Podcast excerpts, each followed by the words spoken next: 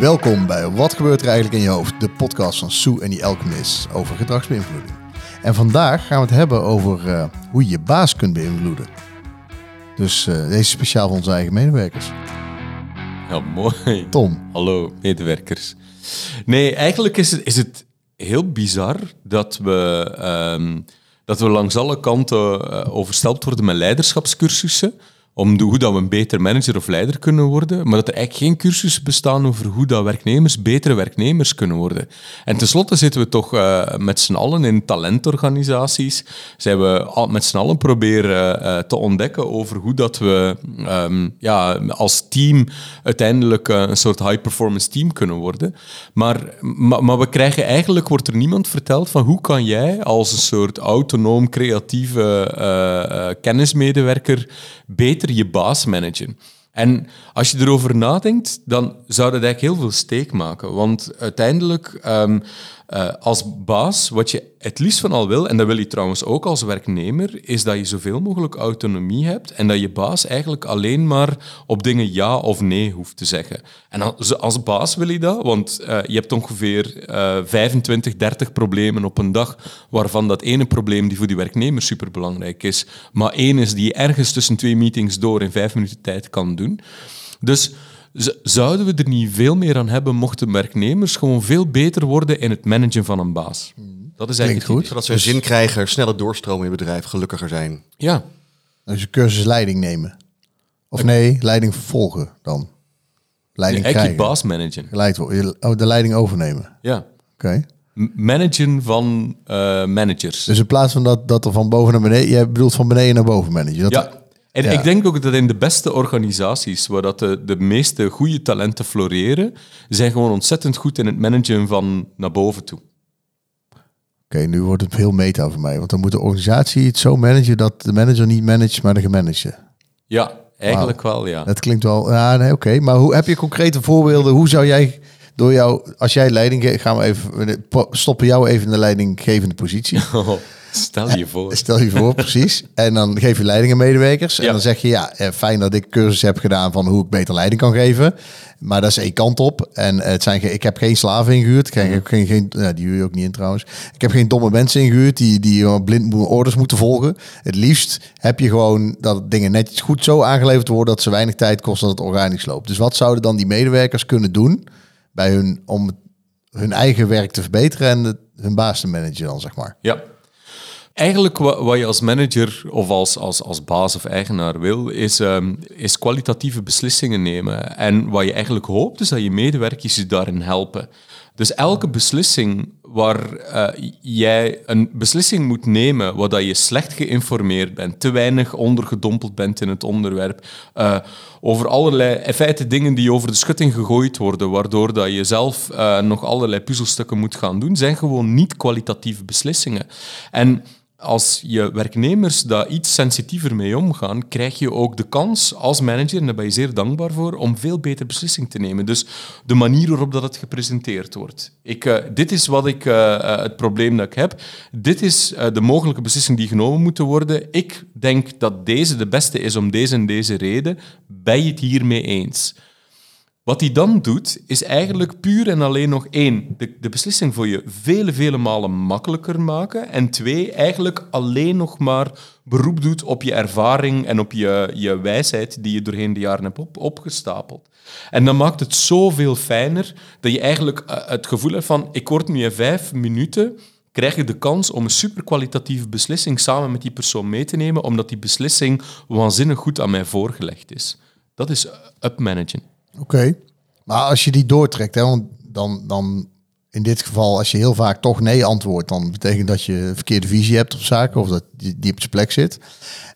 Want dan, dan volg je het advies vaker niet dan wel, dus dan heb je een probleem. Maar van, vanuit gaan dat het goed gaat, dat je elkaar leert kennen en dat je dezelfde visie hebt op de organisatie, dan zul je bijna altijd ja zeggen op zo'n voorstel. Mm. Dus moet je dan nog elke keer toestemming komen vragen? Of kun je daar ook gewoon dan ruimte voor creëren. Of zeggen, ik hoor het graag voor die en die datum als je het er niet mee eens bent. En zo, als ik niks hoor, ga ik door. Dat, dat, dat, is, dat is het klassiek voorbeeld van een goed ontworpen keuzeproces. Namelijk, ik ga ervan uit dat je akkoord bent, dit is wat ik wil doen. Mocht je niet akkoord zijn, dan hoor ik het wel tegen dan, want dan ga ik het gewoon uitvoeren. Hoe gaaf is dat, dat mensen zoveel zelfvertrouwen hebben, uh, dat, dat, dat ze al autonoom dit soort beslissingen nemen. Ik denk dat, dat werknemers daar meer van, uh, nog meer van gelukkig worden, want ze proeven autonomie.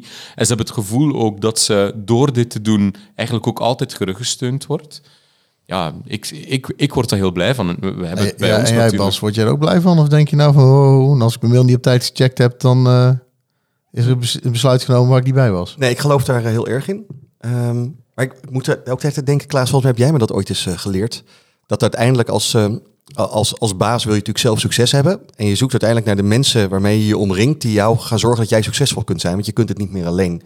En Um, en je, je, je, je, je, je houdt de mensen om je heen die jouw succes leveren, zeg maar. En, en zodra ze dat niet meer kunnen of zo, of, of niet, niet doen, dan vervang je stuk uiteindelijk voor een ander. Want jij kunt er alleen maar zitten doordat andere mensen jou voeden om succes te hebben. Ja, en en dit, deze manier zou natuurlijk voor die mensen effectiever nog kunnen maken om jou te leveren wat je nodig hebt. En, en, en de, ruil, de deal is natuurlijk dat jij, en ruil daarvoor geef je hen ook weer vrijheid, bied je hen uiteindelijk ook succes en ervaring om ook door te rollen, zeg maar, en een mooi leven te hebben. Ja, ik zal zo eerlijk ik zal niet de naam noemen van degene die mij dat advies gaf, maar, want dat is discreet. Maar ik heb het niet zelf verzonnen.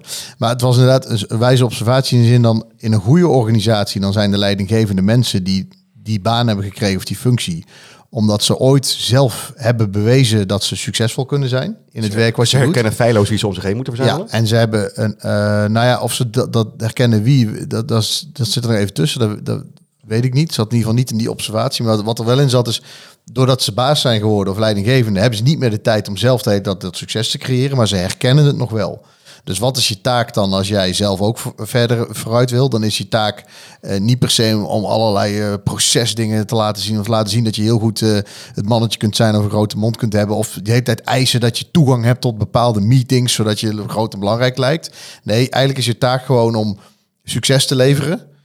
En dat zal worden herkend. En als jij heel vaak succes levert, dan vragen ze je vanzelf om mee te doen om erbij te komen. Als jij zo iemand bent die denkt, ik moet eerst overal daar zijn en dan meepraten en, uh, me toevoegen aan een gezelschap, maar niks toevoegen aan het, aan de, aan het resultaat, ja, dan, dan kom je er niet. En, en wat Tom zegt, eigenlijk zou natuurlijk een heel, heel goed daar een invulling van kunnen zijn. Want Zeker. het is effectiever, uh, zeg maar, dat succes leveren op die manier. Ja, ja, ja, hetzelfde dat je nooit een probleem moet komen aandragen als je niet al een idee van een oplossing hebt.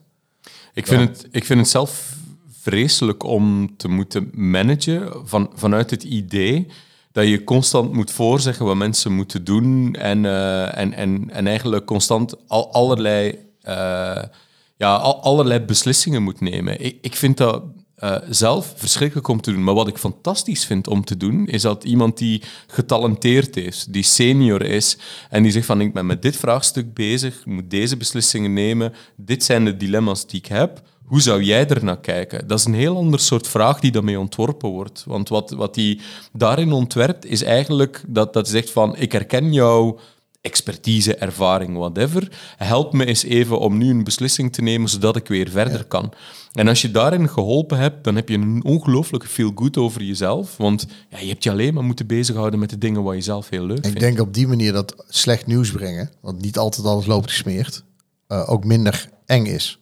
Als je de gewoonte hebt om aan de bel te trekken en naar je leidinggever te gaan en te zeggen, ja, we hebben een probleem, dan is de eerste, nou ja, er zijn natuurlijk super goede leidinggevers die veel meer cursussen hebben gevolgd dan ik, maar ik zal even, mijn reactie zal dan toch op een hele goede dag zeg ik niks, maar zie je mijn wenkbrauwen in standje Jij schieten. hebt een probleem. Uh, en en uh, dat je die ja, ik kom alleen, ben alleen de boodschapper. Dat is, dat is natuurlijk het ergste als je slecht nieuws niet meer hoort uh, als leidinggevende. Dat, dan, dan gaat je organisatie er gewoon aan. Maar als je het op deze manier brengt, dan breng je slecht nieuws uh, of opties, maar in dit geval slecht nieuws, altijd gekoppeld aan mogelijke oplossingen. Misschien zijn ze niet allemaal reëel, maar je hebt ze wel een kaart gebracht en een advies. Dan wordt het probleem niet kleiner van, maar wel, dan trek je wel de aandacht meteen naar mogelijke oplossingen. In plaats van dat je werknemer niet het probleem brengen, maar degene die altijd de oplossingen brengt. Ja, zelfs als de leidinggevende kiest voor een oplossing die niet in het voorstel zat, heeft het wel geholpen om te kiezen en tot opties te komen en, en zit je wel meteen in de oplossingsstand. Um, en je voorkomt met wat je eerder zei ook, uh, Tom, van dat jij het wel een goed idee vindt om eigenlijk je baas deadlines te geven. En als hij dan niet, die niet haalt, dan is het besluit genomen. Ja. Dan voorkom je dat je op elkaar zit te wachten. Ja, wat we eigenlijk zouden moeten hebben, is dat we, is dat we de boel gewoon omkeren. In plaats van dat, dat de manager eigenlijk denkt van eh, eh, mijn taak bestaat erin om mensen succesvol te maken, zouden we naar een soort mindset moeten gaan in de onderneming, waarin dat, dat de, de, ja, de, mensen zelf zeggen van, weet je wat, ik ga mijn baas, of ik ga ons succesvol maken en ik ga mijn baas succesvol maken, door die eigenlijk alleen nog maar in te schakelen om goede beslissingen te nemen. Dat zou eigenlijk een fenomenale mooie omkering zijn. En daarom zeg ik, stop met leiderschapscursussen.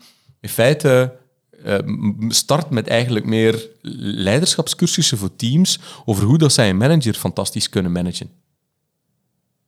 Ja, bij, bijna mee eens. Ik zou die leiderschapscursussen wel houden, hè, want oh, die baas moeten af en toe ook een soort groepstherapie ja, hebben. We moeten ook niet meer gaan micromanagen dan, want dan gaat het weer fout. ja, dat is waar. Ja, en, en je moet ook het gevoel hebben dat je iets, iets te leiden hebt. Maar dan kunnen die leiders nog vaker op dure cursussen, terwijl het bedrijf gewoon goed gerund wordt door topwerknemers. Ja.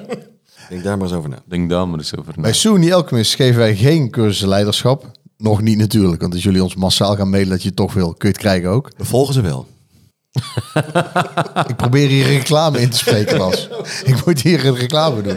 In je podcast heb je allemaal zelf ingesproken reclames door degene die de podcast doen, zodat ze met meer autoriteit binnenkomen. Want ja, dat is beïnvloeding. Dat doen wij dus ook. Zullen wij eens een reclame maken en zelfs, framing Precies, daar ging ik naartoe. En zelfs als we het uitleggen, dan blijft het werken. Klaas, vertel eens over die fantastische framing workshop zit of masterclass. De, zit jij voor de kookwekker? ja, precies.